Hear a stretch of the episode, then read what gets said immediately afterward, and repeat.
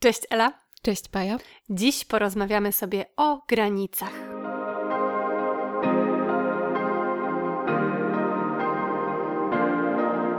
Cześć w kolejnym odcinku naszego podcastu. Bardzo się cieszymy, że jesteście z nami. Dzisiejszym tematem są granice. Mm, te granice, myślę, pojawią się takie bardzo geograficzne, takie już wyrysowane, często grubą kreską.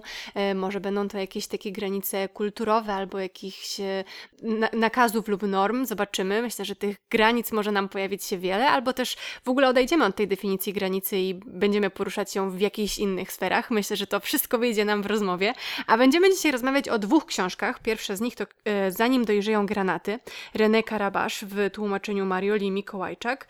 To jest książka, która ukazała się niedawno nakładem wydawnictwa poznańskiego i wydawnictwo poznańskie przysłało nam egzemplarz do recenzji, za co bardzo dziękujemy. A druga książka to Mieszkanie na Uranie e, Paula Presiado w tłumaczeniu Agaty Araszkiewicz z wydawnictwa Charakter. W ogóle informacja dla wszystkich osób, które słuchały e, zeszłotygodniowego odcinka. Mówiłam w nim, że zrobię Eli chorągiewkę. E, nie zrobiłam tego, więc mam nadzieję, że w dzisiejszym odcinku lepiej wyjdzie mi e, odczytywanie sygnałów od niej, kiedy będzie chciała coś powiedzieć. Zobaczymy, jak mi pójdzie, ale już może na następny raz już ta chorągiewka będzie. Myślę, że to by się mogło czasem naprawdę przydać. Zobaczymy, jak dzisiaj się okaże, czy będzie potrzebna, czy nie będzie potrzebna. Ela przed chwilą tak mrugnęła i ja pomyślałam, chyba teraz chciałaby coś powiedzieć. I słuchajcie, zgadłam. No i zaczniemy sobie właśnie od Zanim dojrzeją granaty. Ela, czy chcesz coś powiedzieć? Myślę, że zacznę już opowiadać o tej książce. Nie wiem trochę od czego zacząć. To jest dosyć cienka książka, która ma, jak zwykle te, o których tutaj opowiadamy, bardzo dużo treści. Często tak jest, nie? Często tak jest. Y, I bardzo dużo też warstw w przypadku e, tej powieści, które są bardzo ciekawe i które mogłyby być przyczynkiem do długiej dyskusji. Mm, jak czyżby, zwykle. czyżby to była książka idealna na dyskusyjne kluby książki? Jeśli są tutaj osoby szukające tytułów, to myślę, że możemy ten polecić. Tak, myślę, że jest to też książka idealna dla nas do dyskusji. Zobaczymy, jak nam pójdzie. Może trochę się ograniczymy, bo nie chcemy Wam wszystkiego zdradzić, więc e, tylko część z tych wielu, wielu wątków, które w tej książce się kryją, dzisiaj omówimy. No ale zacznijmy może od tego, o czym w ogóle jest ta historia. E, poznajemy tutaj losy.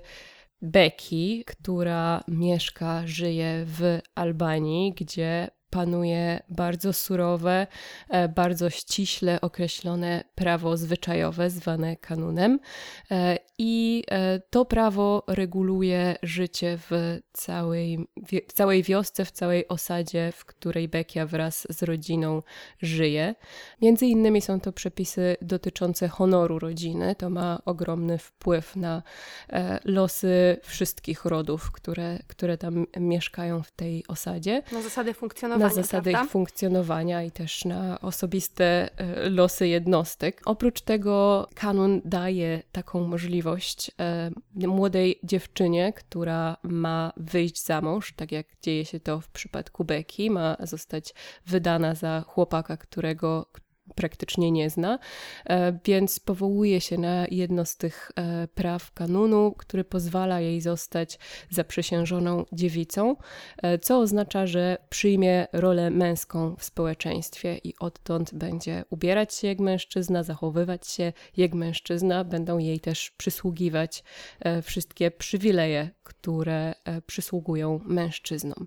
Gdy ta książka pojawiła się w zapowiedziach i przeczytałyśmy opis, oczywiście od razu pomyślałam o Chłopczycach z Kabulu, rewelacyjnej książce, którą ty już miałaś mm -hmm. okazję polecać, a której ja ciągle nie przeczytałam. No ale mam za sobą e, Renę Karabasz i jej Zanim dojrzeją granaty i to była pod wieloma względami, tak jak już też powiedziałaś na początku, wielowarstwowa, e, też bardzo pięknie napisana książka. Może od tego zacznę swoją wypowiedź, od tego jak ta książka jest przepięknie poprowadzona e, i jak ten monolog, w środek którego zostajemy trochę wrzuceni, nie do końca orientując się jeszcze, na czym to prawo polega, jak do tego podejść. Jesteśmy troszeczkę wyobcowani, mimo że siedzimy tak głęboko w tych uczuciach, które trafiają do nas z tych stron, które są też bardzo poetyckie. Myślę, że tutaj wiele jest można by tę książkę trochę porównywać. Właśnie miałyśmy już, o czym nam powiedziałaś, te mocne zasady, które dotyczą tego, jak zachowują się mężczyźni, jak zachowują się kobiety, więc mamy te dwie strony.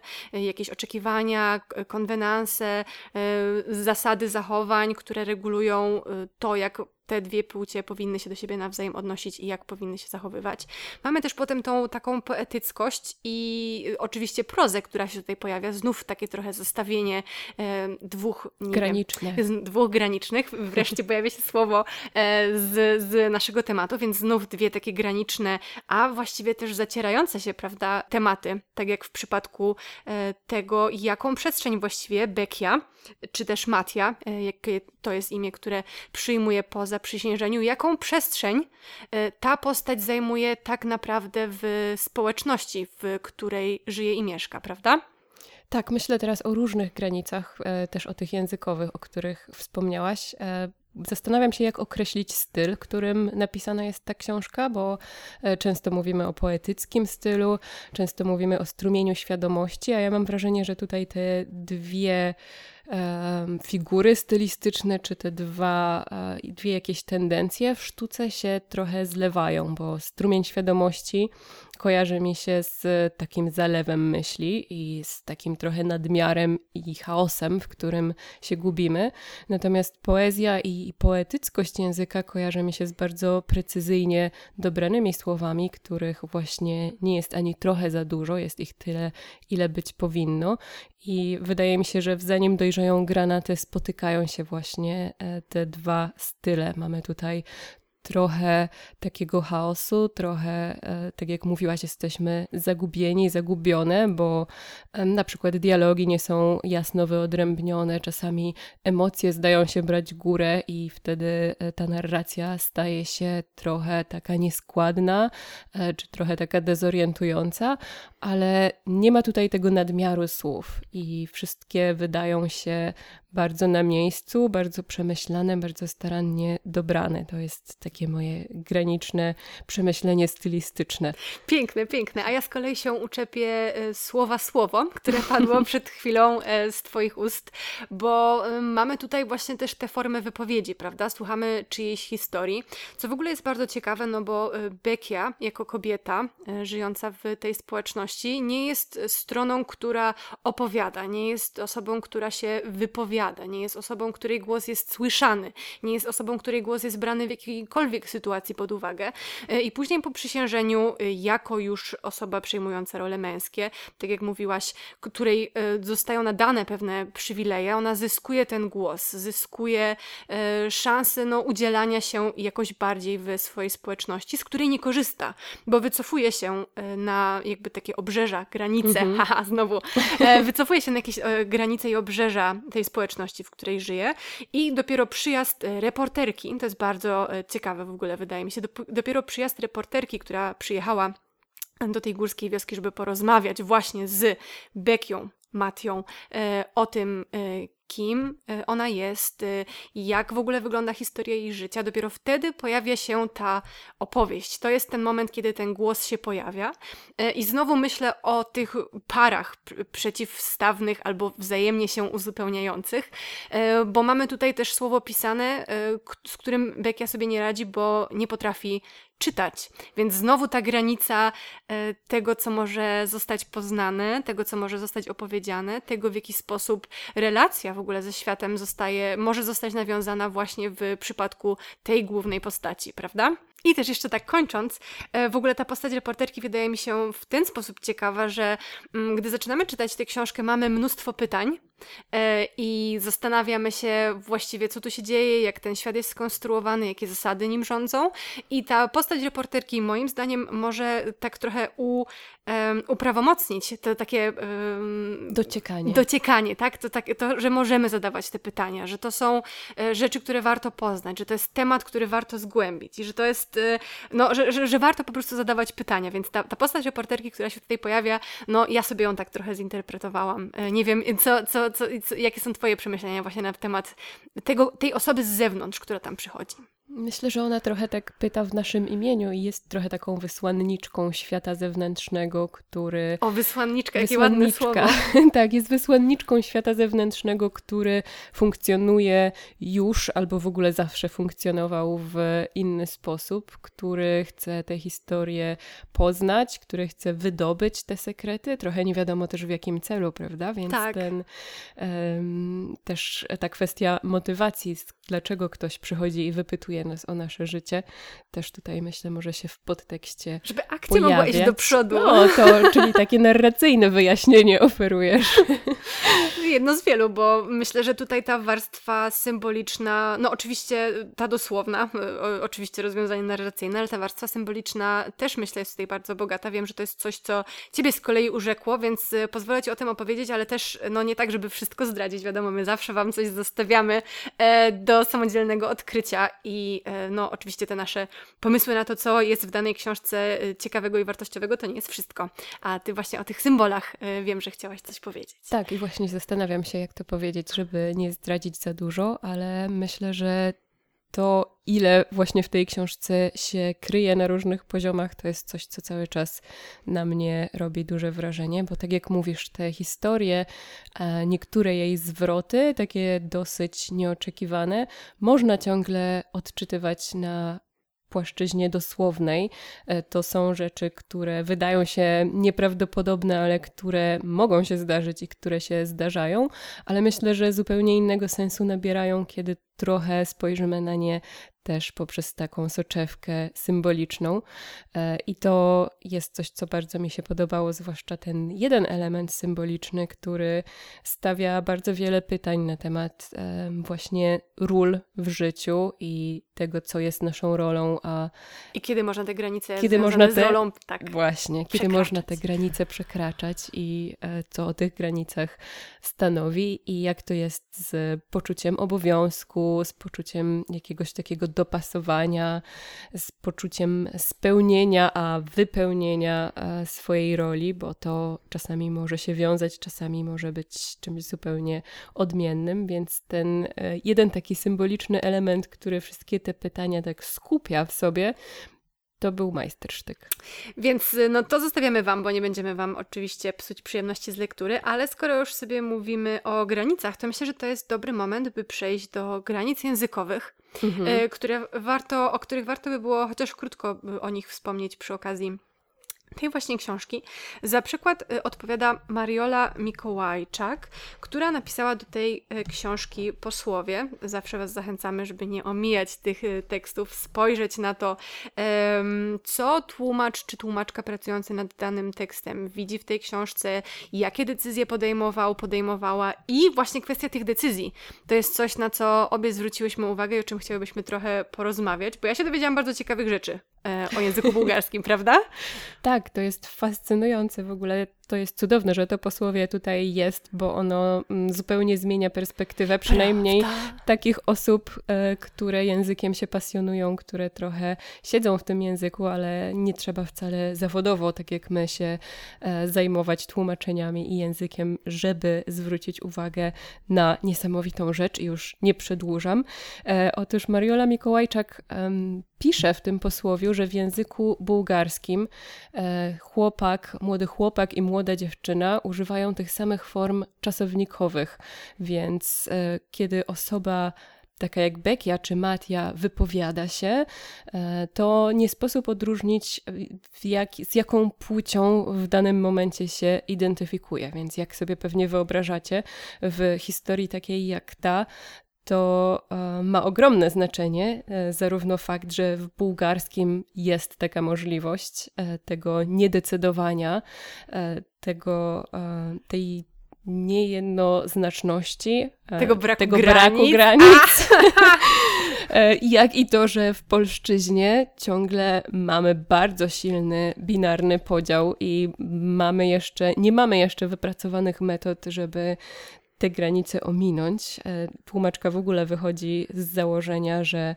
mm, no, że to w polszczyźnie jest w ogóle nie do przeskoczenia, nawet jeśli język będzie się rozwijał, i w związku z tym ona musiała podejmować bardzo dużo decyzji, e, które wiążą się z tym, czy w danym momencie Bekia czuje się bardziej, czuje się bardziej tak. kobietą, czy wypowiada się z pozycji mężczyzny, Mati, i tej roli, którą przyszło jej odgrywać w społeczeństwie. Więc jemu? Jemu. no, no właśnie. właśnie. Tak, właśnie dojście do tego posłowia było dla mnie bardzo dużym zaskoczeniem, bo no, uświadomiło mi, jak wiele decyzji musiała tutaj podjąć tłumaczka i w pewien sposób no, też zasugerować nam jakiś sposób e, odczytywania tej książki, mimo że mogłoby tych, pewnie tych momentów, kiedy trzeba by się było zastanowić nad tym, kto teraz mówi, a może właśnie nie trzeba by się było w ogóle nad tym zastanawiać. no w języku bułgarskim no, chyba nie no trzeba się nad tym dokładnie. zastanawiać. Mówią właśnie cały czas w kontekście mm, języka bułgarskiego, tak, tak, prawda, tak. że, że nie, nie, nie musimy sobie w ogóle zadawać tego pytania, kto mówi, e, a w języku polskim to pytanie jest kluczowe dlatego, by skomponować poprawną gramatycznie e, wypowiedź, poprawną grama poprawne gramatycznie zdania, poprawną gramatyczną książkę, więc no to są takie e, bardzo, bardzo dużo dało mi to do myślenia właśnie na temat tego, tego e, też w jaki sposób tłumacze wpływają na to, jak ta, e, jak ta ostateczna książka wygląda i, i no, pewne decyzje muszą zostać podjęte i cieszę się, że te posłowie się tutaj znalazły, żeby nam wyjaśnić, jak e, Mariola Mikołajczak podeszła do tego tekstu i jakie, no, jak, jaką po prostu, jakie zasady sobie przyjęła na potrzeby pracy nad tym tekstem. Dobrze, to ja myślę, że na zakończenie przeczytamy jeszcze krótki fragment. Jak dobrze, że o tym książki. pamiętasz. Myśmy się tak rozgadały i teraz je, Ela pamięta. Ja uwielbiam Ela czytać pamięta. fragmenty książek, więc e, na tym zakończymy tę pierwszą część naszego dzisiejszego odcinka, żebyście usłyszały i usłyszeli trochę tego języka, tego stylu, o którym tyle opowiedziałyśmy, a potem oddam głos Pai. Uuu, dobra, no ja nie potrzebuję chorągiewki, ale bardzo, bardzo dziękuję. Słucham, słuchamy teraz e, fragmentu. To będzie krótki fragment, e, kiedy ojciec Becky, e, który traktuje córkę czasami jako swojego syna, myślę, że to taki wstęp konieczny, żeby tym e, fragmentem w pełni się zachwycić, zezłościł się na nią i postanowił sprawić jej lanie. Ręka ojca zawisła nade mną jak drapieżny ptak. Spódnice matki uniosły się w powietrze, poruszone wiatrem wywołanym przez jego rękę. Zegar się zatrzymuje, pozostają tylko krzyki i pulsująca żyła na czole ojca. Patrzę mu prosto w oczy, spójrz na mnie, to ja, twój chłopiec tatusia. Nie możesz uderzyć swojego syna, nie masz innego, spójrz na mnie, to ja, Bekia, twoja córka. Synku, ręka ojca zaciska się w pięść i rozpada jak malutkie kawałki szkła po podłodze. Zegar ściąga swoje wodze, cofa się i pozwala mi wrócić tam, gdzie chcę teraz być. Bardzo Ci dziękuję za przeczytanie tego fragmentu. Y, zachęcamy Was bardzo do sięgnięcia po y, tę książkę, zanim dojrzeją granaty.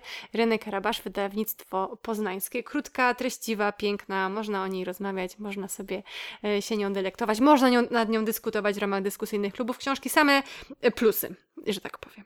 A teraz przejdziemy do, do innych granic, bardzo wielu granic. W książce Paula Presiado Mieszkanie na Uranie, Kroniki Przeprawy sprawy, tłumaczenie Agata Araszkiewicz, wydawnictwo Charakter. Żeby zacząć Wam jakoś opowiadać o tej książce, y, posłużę się tym, co jest napisane z tyłu. Czasem to, co jest napisane z tyłu, może nam zepsuć przyjemność i coś zaspoilerować, ale myślę, że w przypadku tej książki tak nie będzie. Mm, mowa jest tutaj o tym, że książka ta poszerza pole tego, co jest możliwe. E, I wydaje mi się to taką piękną próbą, dosyć taką no, zuchwałą próbą podsumowania tego, o czym jest ta książka. A ona mi się bardzo podobała, wiesz, Ela? A dlaczego zuchwałą? No, bo tutaj tych tematów i poszerzanie tyle tematów w tej książce jest poszerzanych, tyle różnych zagadnień, tyle różnych koncepcji, tyle różnych idei jest poszerzanych, rozmontowywanych, analizowanych, no nie wiem jeszcze jakich słów użyć, że no trudno by to było podsumować jakąś jednym zdaniem, ale myślę, że to poszerzanie, e, rozmontowywanie, zaproszenie do tego zastanowienia się nad tym, na czym świat stoi, to to jest taka, możemy powiedzieć, taka trochę no, próba syntezowania tego, co się dzieje w tych tekstach. E, a są to eseje, które powstawały w latach 2013-2018 i tutaj spotykają się dwa światy, taki świat e, osobisty Paula Presiado, bo to jest taki z jednej strony zapis e, samodzielnego procesu tranzycji, który miał miejsce w jego życiu, e, a także jest to zaproszenie do podróży, bo są to teksty, które powstawały w bardzo różnych miejscach na świecie, więc znowu mamy tutaj te granice y, i, tych, i to przekraczanie granic.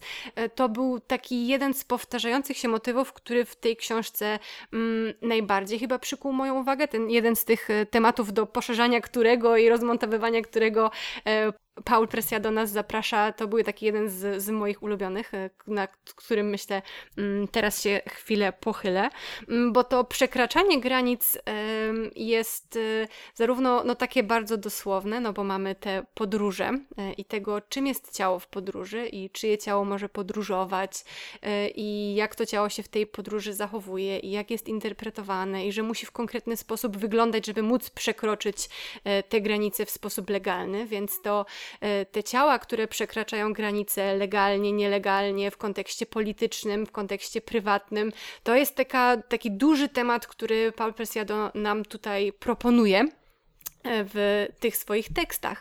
E, ale tak w ogóle sobie myślę, że, te, że to jest po prostu takie bardzo odważne, śmiałe i głośne zaproszenie do tego, żeby kwestionować pewne rzeczy i żeby się zastanawiać nad zastanym porządkiem świata i żeby starać się myśleć wywrotowo i żeby starać się myśleć nieszablonowo, niebinarnie, antykapitalistycznie, bezgranicznie. To są takie y, duże słowa i wielki rozmach jest w tych tekstach. To brzmi jak coś naprawdę dla ciebie. Tak, to było coś naprawdę dla mnie. E, niektóre teksty sobie tutaj zaznaczyłam, żeby móc do nich wrócić i gdy teraz właśnie tak e, sobie przeglądałam, jakie teksty konkretnie zaznaczyłam, to były głównie właśnie te dotyczące ciała i tego, e, no jak to ciało funkcjonuje i jak ono funkcjonuje seksualnie i jak te zachowania seksualne wpływają na to, jak ciało jest interpretowane, albo jak może się zachowywać, jak powinno się zachowywać, jeśli w ogóle są jakieś e, zasady dotyczące m, regulowania te, ciał ludzkich. Więc to e, były właśnie te eseje, które przyciągnęły moją e, uwagę. E, no ale tak mówię o tych powtarzających się tematach. E, nie chciałabym, żebyście pomyśleli i pomyślały sobie, że te powtarzające tematy sprawiają, że ta książka jest powtarzalna, bo tak nie jest. E, bardzo w tej książce podobała mi się e, niesamowita e, innowacja, albo wigor, albo takie bardzo no, pomysłowe podejście do tego, szukanie inspiracji w bardzo różnych zjawiskach czy to osobistych, czy politycznych, które pozwalają na to, żeby te powtarzające się tematy opisywać w bardzo e, no, nowatorski sposób. Więc to jest e, ogromny plus tej książki spośród wielu innych. To ja mam pytanie, tylko nie wiem, jak je sformułować. Jakiego rodzaju to są eseje? Jakiego rodzaju spojrzenie na świat proponuje nam autor? Mam tutaj na myśli, czy on wychodzi z filozoficznego punktu widzenia, czy raczej e, patrzy na świat socjologicznie, czy może to jest takie literackie podejście, jakaś taka e, próba właśnie ujęcia w słowa rzeczywistości, e, czy jeszcze coś innego?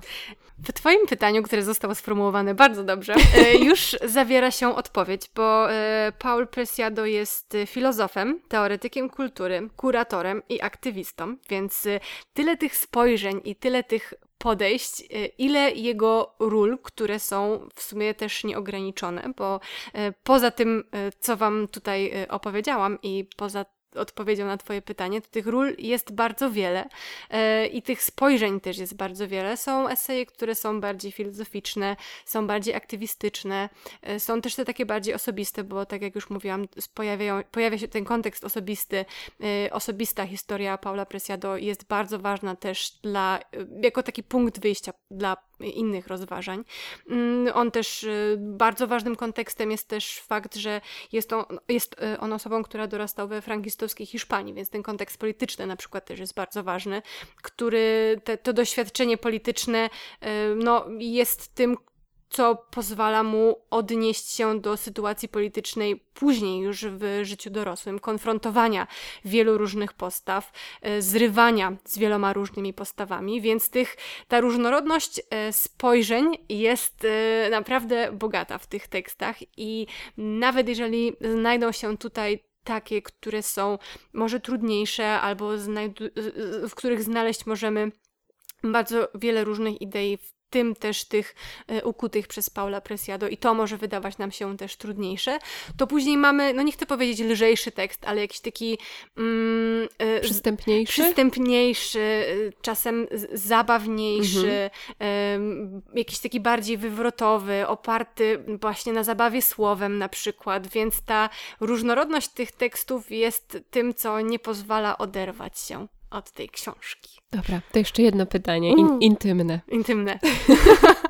Czy po lekturze tej książki, bo mówisz, że ona nas zaprasza do poszerzenia perspektywy, do zmienienia punktu widzenia, do rozmontowania pewnych zastanych idei. Czy coś takiego miało miejsce u ciebie? Czy zmieniłaś e, spojrzenie na jakieś kwestie. Nie musisz nam dzielić się aż tak intymnie, co to było, ale czy masz takie poczucie, że coś się zmieniło? Jakaś granica została przekroczona w Twoim myśleniu? Myślę, że tak, ale nie umiem tego e, jakby przyszpilić i powiedzieć konkretnie w jakim obszarze to ma miejsce. Myślę, że ta książka jest jedną z takich książek cegiełek. Y, to chyba też jest temat, który często wraca w tych naszych mm -hmm. rozmowach, że to nie jest tak, że była ta jedna książka i że która potem. Zmieniła wszystko. Która zmieniła wszystko, y, ale że są te takie lektury, teksty, y, myśli, zagadnienia osoby, które w w pewnym momencie pojawiają się w Twoim życiu i które jakoś po czasie zdajesz sobie sprawę, że były dla Ciebie w pewien sposób, może formacyjne to za duże słowo, ale że uzupełniły jakoś Twój profil y, myślenia, sposób postrzegania świata i myślę, że ta książka jest jedną z takich, trochę za szybko myślę, by to e, stwierdzić definitywnie, ale wydaje mi się, że to na pewno może być taka książka, która sprawi, że jakaś gdzieś myśl z nami zostanie, może jakaś wątpliwość, albo jakiś zachwyt, albo e, też na pewno być może punkt wspólny, e, który pojawi się podczas lektury tej książki, bo takie też e, były, mówię e, o swoim doświadczeniu, więc no wydaje mi się, że to jest, mógłby być, być może, jest właśnie taki tekst e, cegiełka, który nagle się pojawił, jak taka spadająca gwiazda trochę.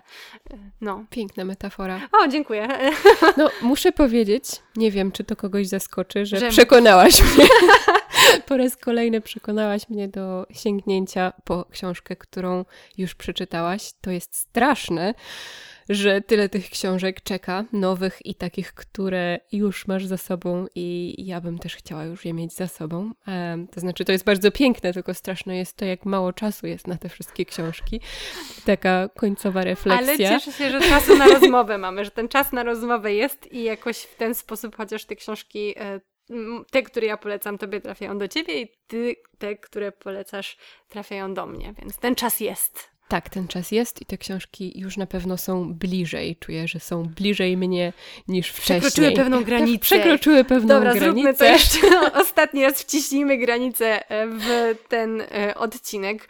E, jesteśmy ciekawe, jakie wy granice ostatnio przekroczyliście i przekroczyłyście. Literackie, albo niekoniecznie. E, książkowe, a może nie tylko. Więc e, ta definicja granicy, jesteśmy ciekawe, jak u Was ostatnio wygląda, jakie nowe tematy się pojawiły, jakie nowe zagadnienia. Czekamy na Wasze komentarze na naszych mediach społecznościowych.